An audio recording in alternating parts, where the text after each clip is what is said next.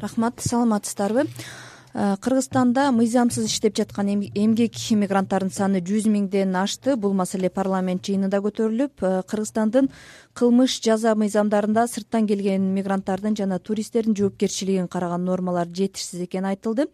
Э, биз кыргызстанда иштеп жаткан эмгек мигранттары алардын жоопкерчилиги жана укуктары туурасында арай көз чарай талкуусунда сөз кылабыз ага жогорку кеңештин депутаты ушул маселени парламент жыйынында көтөрүп чыккан депутат табылды тилаев мамлекеттик миграция кызматынын тышкы миграция боюнча бөлүм башчысы улан шамшиев жана мекеменин пресс катчысы канат султанов э, келишти. Студияга кош келипсиздер. Табалды мырза сизден баштайын. Мына э, сиз негизи ушул жүз миңден ашты мигрант мыйзамсыз иштеп жаткан мигранттар деп айттыңыз да маалымат кайдан алынды эмнеге таянып билдирдиңиз? Саламатсыздарбы. Негизинен эми баары эле маалым канча киши бизде мыйзамсыз жүргөнү эми кыргызстан кичинекей мамлекетпиз. Э, негизги көпчүлүгү э, азыр миграция э, мындан өкүлдөр айтса керек баягы түштүктө болуп атат да.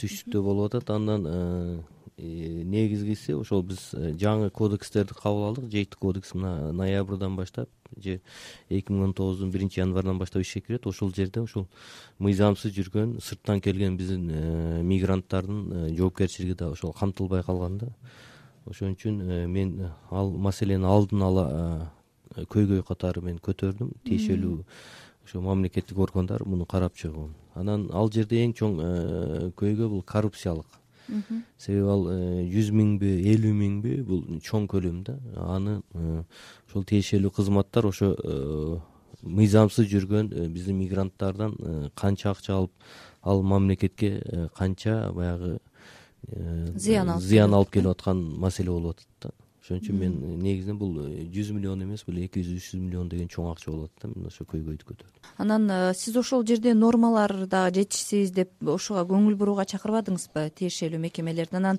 мыйзам чыгаруучу орган катары сиз э, эмнени сунуштайт элеңиз? Бул маселени кайсы жагынан кантип чечиши керек? Эмнелер жетишпейт бул жактан кылмыш кодексинде да ошол жоопкерчиликтери каралбай калган. Алар кылмыш кылса же бир э, административдик нарушение кылса ушул жарандык кодексте да баягы жоопкерчилиги каралбай калыптыр да.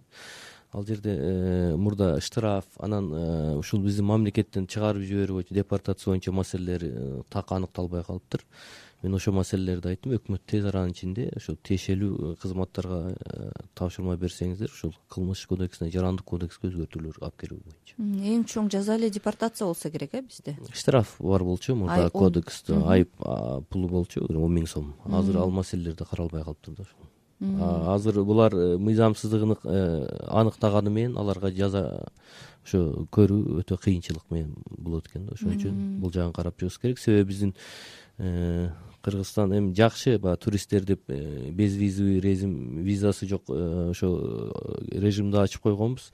Тилекке каршы ошого жараша биздин баягы жоопкерчиликти да күчөтүш керек да. Эми бул азыркы жаныбызда мына афганистан турат жана дүйнө жүзүндө болгон баягы террористтердин өсүп атканы бул мамлекеттин коопсуздугу биринчи очередь жоопкерчилик анан э, коопсуздук көзөмөл э маселеси. Негизи ошол а сизде ушундай э, көрүнүштөр байкалып атабы соңку кезде чын эле ушу сырттан келип иштеген э, мигранттардын саны көбөйдү дегендейчи. Өтө көп. Бул негизинен эми бир мамлекетти айтсак сөзсүз биз азыр капа кылып алышыбыз мүмкүн. Бирок башка мамлекеттерди айтпайлы мына өзбекстан тажикстандан келген биздин э, сырткы мигранттар өтө көп. Анан алардын жанагындай э, мыйзамсыз киргени кирет себеби бизде андай безвизовый алар менен алар кирип бирок ошол биздин мамлекетте мындайча айтканда мыйзамсыз жүргөнүн мен азыр миграция комитети аныктайт тактайт деп ойлойм. Ушул багытта ошо миграция мекемесинин жобу кандай? Мисалы кайсы өлкөдөн көбүрөөк келет? Э, канча келди ушундай маалыматтар барбы канат мырза сиз айтасызбы саламатсыңар. Мен официалдуу маалыматты айтып коеюн. Э, биздин мекемеде ведомстволор аралык комиссия иштейт. Быйылкы тогуз айдын ичинде жыйырма сегиз жыйын өткөрүлдү. Бул чет элдик жарандарды жумушка тартуу боюнча. Эки миң он сегизинчи жылга кыргыз республикасынын өкмөтү тарабынан он алты миң төрт жүз токсон чет э, элдик адиске квота бөлүнгөн. Азыркы күнгө бул квотанын э, жетимиш төрт пайызы гана берилди. Бул э, ошондо он бир миң тогуз жүз отуз бир адамга он эки миңге жакын адиске чет элдик адиске кыргызстандын аймагында иштөөгө уруксат кагазы берилди да. Булар көбүнчө бишкек шаарында жалал абад областында чүй областында бишкек шаарын айта кетсек кырк төрт бүтүн ондон алты пайызы бишкекте жалал абад областында жыйырма төрт бүтүн ондон үч пайыз чүй областында он жети пайыз ош областында беш бүтүн ондон эки ош шаары ысык көл областы аякта бир пайыз эки пайыздын тегерегинде. Квота кайсы өлкөгө көбүрөөк берилет? Же кайсы жактан келгендер көп катталды азыркы учурга караганда жетимиш берилген биз тарап ведомстволор аралык комиссия тарабынан берилген квотанын жетимиш жети пайызы кытай республикасынын жарандары булар тогуз миң эки жүз кырк бир адисти түзөт. Андан кийин туркия жарандары корея жарандары анан бөлөк мамлекеттин жарандары жогоруда айтылып атпайбы мисалы он бир миң э, квота берилиптир бирок ушунча эле чет элдик биздин кыргызстанда иштеп атат деген нерсеге сиздер деле ишенбесеңиздер керек э? жүз миңден э, ашты мыйзамсыз иштеп аткан мигранттар дегенге кошула аласыздарбы улан мырза кетиш керек. Азыркы мезгилде э, кыргыз республикасынын аймагында көбүнчөсү бул түштүк региондорунда мыйзамсыз миграцияда күчөп баратканы биз так эле көрүнүп турабыз. Бирок ошол эле кезде белгилей кетчү көп нерсени э, мыйзамдарды өзгөртүү базасын э, өнүктүрүү жумуштары азыркы мезгилде болуп жатат. Э, кыргыз республикасынын тарабынан карасак өзбекстан республикасынан эксперттик баалоо боюнча элүү миңден ашуун ушу өзбекстан менен тажикстандын жарандары түштүк региондордо эмгектене алек да. Бирок биздин мыйзам боюнча алар уруксат кагаздарын алыш керек эле да иштөөгө уруксат. Бирок э, өкүнүчтүү алар уруксат кагаздары жок эле азыр иштеп жатышат. Бул фактыларды жөнгө салуу боюнча жана э, ушул э, бюджетке акчаны толтуруш үчүн алар анткени мамлекеттик салык төлөш керек. Э, ошол жердеги э, жөнөкөйүштүштүрүп э, коррупциялык ушул жолдорго тоскоол кылып атайын биз жаңы жобо иштеп чыгып атабыз азыркы мезгилде. Бул алты айдын алты айга келген тажикстан жана өзбекстан жарандарына гана тиешелүү болот. Булар бир жолку салык патентин сатып алып эле курулуш тармагында общепит тармагында иштеэге уруксат алышат да. Ушул жобо күчүнө киргенден кийин биз ушул э, мыйзамсыз миграция жолдорун э, жөнгө салууга жетишебиз. Эң чоң проблема көйгөй чыккандан кийин биз уруксат кагаздарын бир жылга беребиз да. Алар көбүнчөсү келип э, өзүңөр билесиңер өзбекстандын жарандары мисалы үчүн кыргыз республикасынын аймагында беш күндө каттоого туруп андан кийин алтымыш күнгө чейин жөн эле жүрө алышат да. Виза алышпайт а эгер биздин азыркы система менен азыркы мыйзам негизинде болгондо алар кирердин алдында w бир категориясында визасын алып анан кийин бизге келгенден үч айдын ичинде уруксат кагазын алыш керек. Э, ошондон кийин гана иштөөгө уруксаты бар болот да. Көбүнчөсү эми статистиканы карасак азыркы мезгилге чейин ушул э, эки миң он сегизинчи жылдын тогуз айына жүз сексен төрт гана өзбекстан жараны э, официалдуу түрдө уруксат. кагазын алган ал эми өзүбүз эле көрүп турабыз. Көбүнчөсү ушул курулуш тармагында түштүктө үй салуу тармагында ушул өзбекстан жарандары абдан көп болуп кетти да азыр эми ошол бишкекке чейин алып келип атпайбы мисалы курулушчуларды э, кыргызстандын ар кайсы аймагына алып кетип атышат э.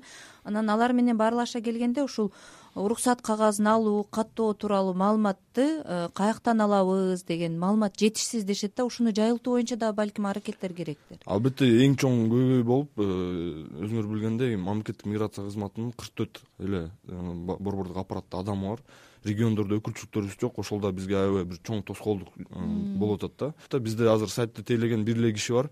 Ал жерде маалымат жума сайын чыгарганга ушуну көп проблема болуп атат да. Бирок ошол ишкерлер э, иштеп аткан жумушчулар сайт иштебейт кырк төрт эле киши дегенди түшүнбөйт да туурабы? Албетте биз аракет кылабыз азыркы мезгилде ушул проблеманы чечиш үчүн. Бизде дагы түшүнүш керек. Көбүнчөсү ушул түштүк аймактан э, келген өзбек жарандары бишкекке келип документ тапшырууга дагы аябай бир чоң тоскоолдук болуп атат да ал эми алар бишкекке келип тапшырыш керекпи? Албетте азыркы ушундай жагдай болуп калды да. Анткени бизде региондордо өкүлчүлүгүбүз жок. Биз бир нече жолу өкмөткө кайрылганбыз сунуштап э, бул мыйзамсыз иштөөнүн бирден бир өзүнүн жолун эле ачып берип аткан турбайбы. Э кыргызстандын мыйзамдарын аткарбаганга өзүбүз шарт түзүп берип аткандай болуп калат да. Эми биз ушул жагдайды чечкенге бир э, чоң сунуштарды бергенбиз. Азыркы мезгилде өкмөттө каралып жатат. Мындан сырткары белгилөө кетчү нерсе мыйзамсыз миграция боюнча ички иштер министрлигинин курамында өзүнчө кызмат бар. Бул экстремизмге каршылык жана мыйзамсыз миграцияга каршы атайын кызматы бар. Алар дагы региондордо ошол иш менен алек да. Жогоруда айтып кетпедиби канат мырза дагы биз э, ведомстволор аралык комиссия э түзүлгөн комиссия уруксат кагазын бериш үчүн эки жума кетет экен да. Эгер берет же бербейт. Ошол уруксат кагаз бермейинче ал э, жумушчу иштебей туруш керекпи бишкекке келип ошончо күтө алабы мындай жөнөкөйлөтүү же болбосо электрондук вариантын иштеп чыгуу жагы барбы? Электрондук форматта тапшыруу системасы киргизилген бирок ал жерде дагы бир проблемалар келип чыккан да мисалы үчүн э, бизге электрондук э, документтерди тапшырганда биз тастыктоочу бир э, жолун билишибиз керекпиз да. Анткени биз документтерди текшере албайбыз анткени алар электрондук түрдө келген. Ошондуктан алар сөзсүз түрдө цып алыш керек да электронный цифровой ключ деп коет аны чет элдик жарандар көбүнчөсү эми кыргыз республикасына бир жолу келип бир документ алыш үчүн сатып алышпайт да. Башка жагынан карасак биз э, ал документтин э, чын эле ошол киши тапшырганын алардын паспортунун жасалма эмес экенин аныктоо үчүн биз ал документти көрүшүбүз керек да ошондуктан бул албетте биринчиден улуттук коопсуздук маселелеринен келип чыккан проблематика болуп атат. Бирок биз аны чечүүгө дагы мындай жөнөкөйсүздөштүргөн жолун таптык. Биз азыркы мезгилде электрондук вариантта документтерди кабыл алып кароодон өткөндөн кийин анан кийин ал киши келип документтерин тастыктагандан кийин гана уруксат кагазын бере ала турган мүмкүнчүлүк бергенбиз. Анан мындан сырткары документтердин тизмегин биз өтө жөнөкөйсүздүрүп э, эки документке чейин кыскартып салганбыз да бул жерде эң негизги ушул э, кыргыз республикасы мыйзамына э, жазылган эки приоритет бар. Бул биринчи приоритет бул кыргыз республикасынын жарандарынын ишке орноштуруу укугу. Э, чет элдик жарандар э, ушул иштөө иштейм деген жумушчу орун кыргыз республикасынын жарандары иштей албай турган гана жумушка иштей алыш керек да. Экинчи приоритет бул албетте ал улуттук коопсуздук маселесинен келип чыккан маселе.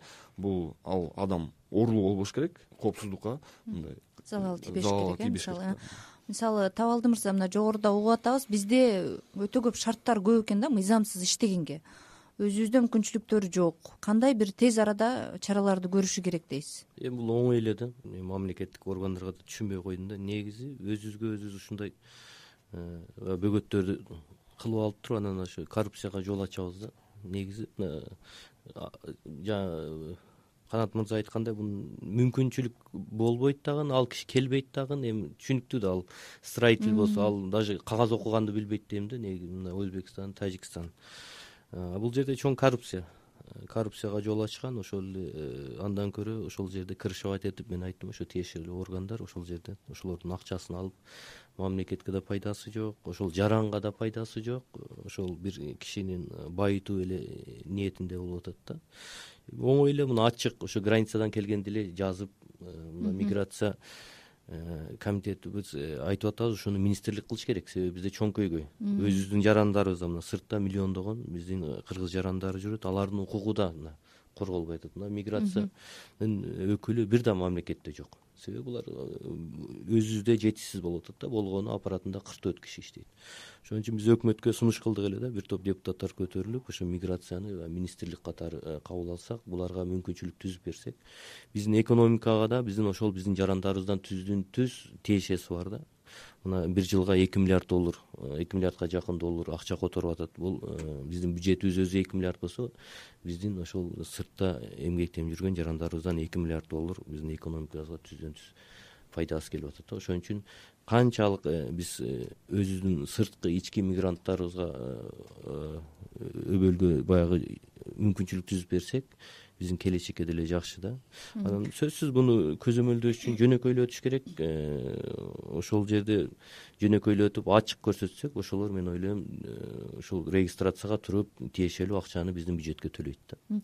Жана ведомстволор аралык комиссия деп ошого киргизсе болбойбу мисалы ошол эле э, баждан чек ара кызматы сиздерге маалымат берип ошолор аркылуу биргелешип иштесе мүмкүнчүлүгү кандай азыркы мезгилде э, ушул э, бирдиктүү тышкы миграцияны эсепке алуучу система ишине кирген. Биз ал жерден маалыматты дайыма чет элдик жарандар боюнча алып турабыз да. Бирок биз э, кыргыз республикасына кирип жатканда ал жерде ушул чет элдик жарандарга үч айлык мөөнөт берилет да. Алар дабл бир визасы менен киргенден кийин кыргыз республикасынын аймагында үч ай жүрө алышат үч айдын ичинде ошол уруксат кагазын алыш керек да аларчы ошол үч айдык мөөнөттө качан бизге келерин? Биз тактай албайбыз да. Бирок ошол эле системага азыркы мезгилде каттоо кызматы кошулуп атат. Азыркы мезгилде ушул жана алардын өзүнүн автоматдалган базалары бар болчу ошолорду э, ушул исумга кошулуу э, процедурасы жүрүп атат ал жүргөндөн кийин биз так ошол э, чет элдик жаран кайсы жерде катталып кайсы жерде азыркы мезгилде жашап жатканын көрүнгөндөн кийин биз так айта алабыз да ушул адам мисалы үчүн үч айдык мөөнөтүн өтүп кетип уруксат кагазын ала элек жана ага административдүү түрдө чара колдонулу ушул мисалы айып пул алуу маселеси дагы азыр кыйын болуп калган деп атпайбы депутат мырза? Бир жылда ушул убакка чейин канча айып пул түшкөн деген маалымат барбы бизде өкүнүчтүү бирок бул ички иштер министрлигинин канча депортацияланган дагы ошолорго карайбы? негизинен э, депортацияны улуттук коопсуздук комитети менен ички иштер министрлиги жүргүзөт. Бирок акыркы э, чек ара кызматы берилген маалымат боюнча бир миң алты жүздөн ашуун э, чет элдик жаран ушул эки миң он сегизинчи жылдын тогуз айында депортация болгон чет элдик жаран. Э, бул негизинен эле процедуралык алсак ушул укук коргоо органдары э, чек ара кызматына ушул чет элдик жаранды тапшырып коет. Алар э, эсепке базага алып туруп аларды чыгарып визасыз режим киргизгенден кийин кыргызстанга иштегени келген өлкөлөрдүн дагы саны кеңейдиби? Өзбекстан тажикстан кытай түркиядан сырткары бул эми э, эгер биз квотаны карасак жыл сайын бул квота э, мисалы үчүн быйыл эки миң он жетинчи жылдын эле э, деңгээлинде калды да. Квота көлөмүчү он алты миң төрт жүз токсон адам. Эки миң бешинчи жылдарга салыштырмалуу ал эми анда бир беш миңдин жети миңдин тегерегинде квота бекитилчү да жыл сайын. Мисалы ошол эле филиппинден келгендер бизге былтыр мурдагы жылдары ачылыш болгон да. Филиппинден келип бала багуучу болуп иштегендер аябай көп экеничи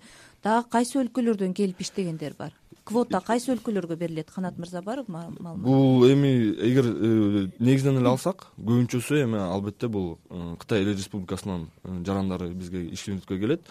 Жаңылык болуп эми жаңы мамлекеттерге сиз айткандай филиппин менен вьетнам кошулуп атат да. Бул эми тигүүчү тармакта болуп атат. Бирок биз канат мырза айтып кеткендей эле межведомстволук ведомство аралык комиссияда каралып ал жерде мисалы үчүн э, вьетнам улутундагы жарандарга биз э, квотаны бөлүштүрүп берген жокпуз. Быйыл алар ушу тигүү тармагында сунуштаган. Э, биз албетте ушул иш берүүчүгө кыргыз республикасынын жарандарынын арасында кыргыз республикасынын жарандарын ишке алууну сунуштадык ал эми ошол кыргызстандан чыгып кеткен өлкөлөрчү мисалы кайсы өлкө болбосун азыр кыргызстандык мекендештерибиз э, жок өлкө жок да анан жаңы бир кетип аткан иш үчүн кетип аткан э, мамлекеттер көбөйүп атабы кандай?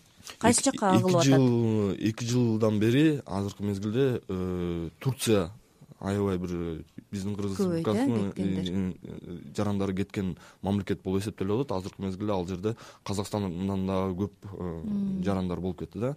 Бул эми бирок бир жагынан карасаң алты айлык эле мөөнөткө чыгып кете турган туристический сезонго гана чыгып кеткен э, жарандар болот да. Албетте жаңы жаңы мамлекеттер ачылып атат бирок мындай көпчүлүк болгон чоң агым болгон мамлекеттер жок да. Мисалы үчүн быйыл эми чехияга болгон агымдарды биз байкадык польшага болгон Э, кээбирки норвегияга кетишет э, биздин жарандар. Туркиянын дагы мындай э, салыштырмалуу алганда туркиянын биздин кыргыз республикасынын жарандары баруучу себеби бизде түрк тилинде берген окуу жайлар көп. Ал жерде жаш балдар дагы окуп ошол түрк тилинде орус тилин да билишет биздин жарандар ошондуктан алар ушул туркиядагы ишке алуу системасы дагы ушул биздин кыргыз республикасынын жарандарына кызыктырды негизи эле ушул мисалы орусия казакстандын жарандыгын алган мекендештерибиз аябай көп алар келгенде мыйзамсыз мигрант болуп калат да бизге катталбаса. Эми мындай да россия федерациясынын аймагында алар отуз күндө э, каттоого туруш керек да э, биздин жарандар.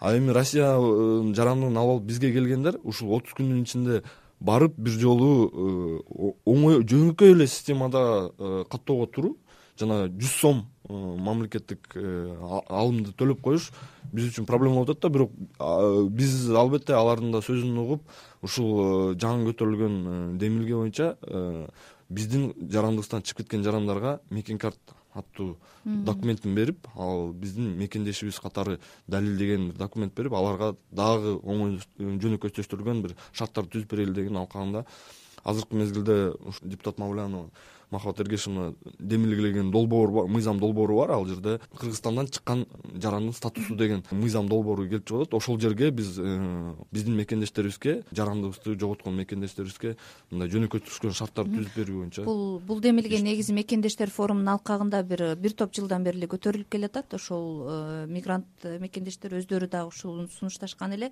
Табалды мырза бул миграция мекемесин э, министрлик кылып коюу менен э, маселе чечилеби же болбосо ошонун башында турган жетекчилик дагы алмашып атып көңүл бурулбай калып атабы саясаты кандай болушу керек эле бул миграция саясаты кыргызстанда? Негизги көйгөйүбүздө ички сырткы миграция да мен дагы бир жолу кайталап кетейин. Ошон үчүн э, мурдараак министрликте болуп уюштурулган болчу тилекке каршы кийин жоюлуп кетти негиз мына россия э, федерациясында эле беш жүз миңден ашык биздин жарандарыбыз жүрөт да алардын укугун коргоюн десе посольстводо жеткиликтүү баягы биздин кызматкерлер жетишпейт. Алардын маселеси көп. Ошо посольствого барсаң да башка жерге барсаң да алардын укугун коргогон эч ким жок да. Ошо өкмөт ошол жагына көңүл бурса жакшы болмок же элчиликтин ишин э, күчөтүш керек? Э, элчиликтин ишин да мен сунуштап келип атам. Күчөтүш боюнча бирок ал жерде да миграция министри бар россияда да алар сөзсүз биз Э, миграция министри катары же агентство катары иштеш керек да. Алар менен тыгыз байланышта э, кээ бир мыйзамдарга өзгөртүү керек анан жанагы биздин жарандарыбыз ошо сиз айтып кеттиңиз эртең э, мекенине кайтып келгенде алардын келечеги кандай болот ушул карыганда ошо пенсия маселеси ошо балдары мыйзамсыз мигрант болуп калат да. ошо балдары ошол орус мамлекетинде төрөлүп калды. Алардын келечеги кандай болот? Алардын жарандыгы кандай болот? Ушул маселелер толтура ошон үчүн бул жөн бул жагында да биз тез тез мыйзамдарды э, тиешелүү мыйзамдарды кабыл албасак алардын келечеги кыйын болот. Мына ушул нерселер дагы ошо сиздердин колуңуздарда э, бизде турган миграция э, кызматынын өкүлдөрү дагы бул боюнча талкуулаа болгон сөздү айтып барышаттыр. Жетекчиликке биз кыргызстанда мыйзамсыз иштеп жаткан эмгек мигранттардын саны жүз миңден ашты деген э, маселени тегерегенде ошондой эле миграция саясаты кандай болушу керек? Кирген чыккан мигранттардын укуктары боюнча сөз кылдык. Ага жогорку кеңештин депутаты табалды тилаев мамлекеттик миграция кызматынын э, бөлүм башчысы улан шамшиев жана пресс катчы канат султанов катышты. Талкууну мен канымгүл элкеева алып бардым жакшы туруңуздар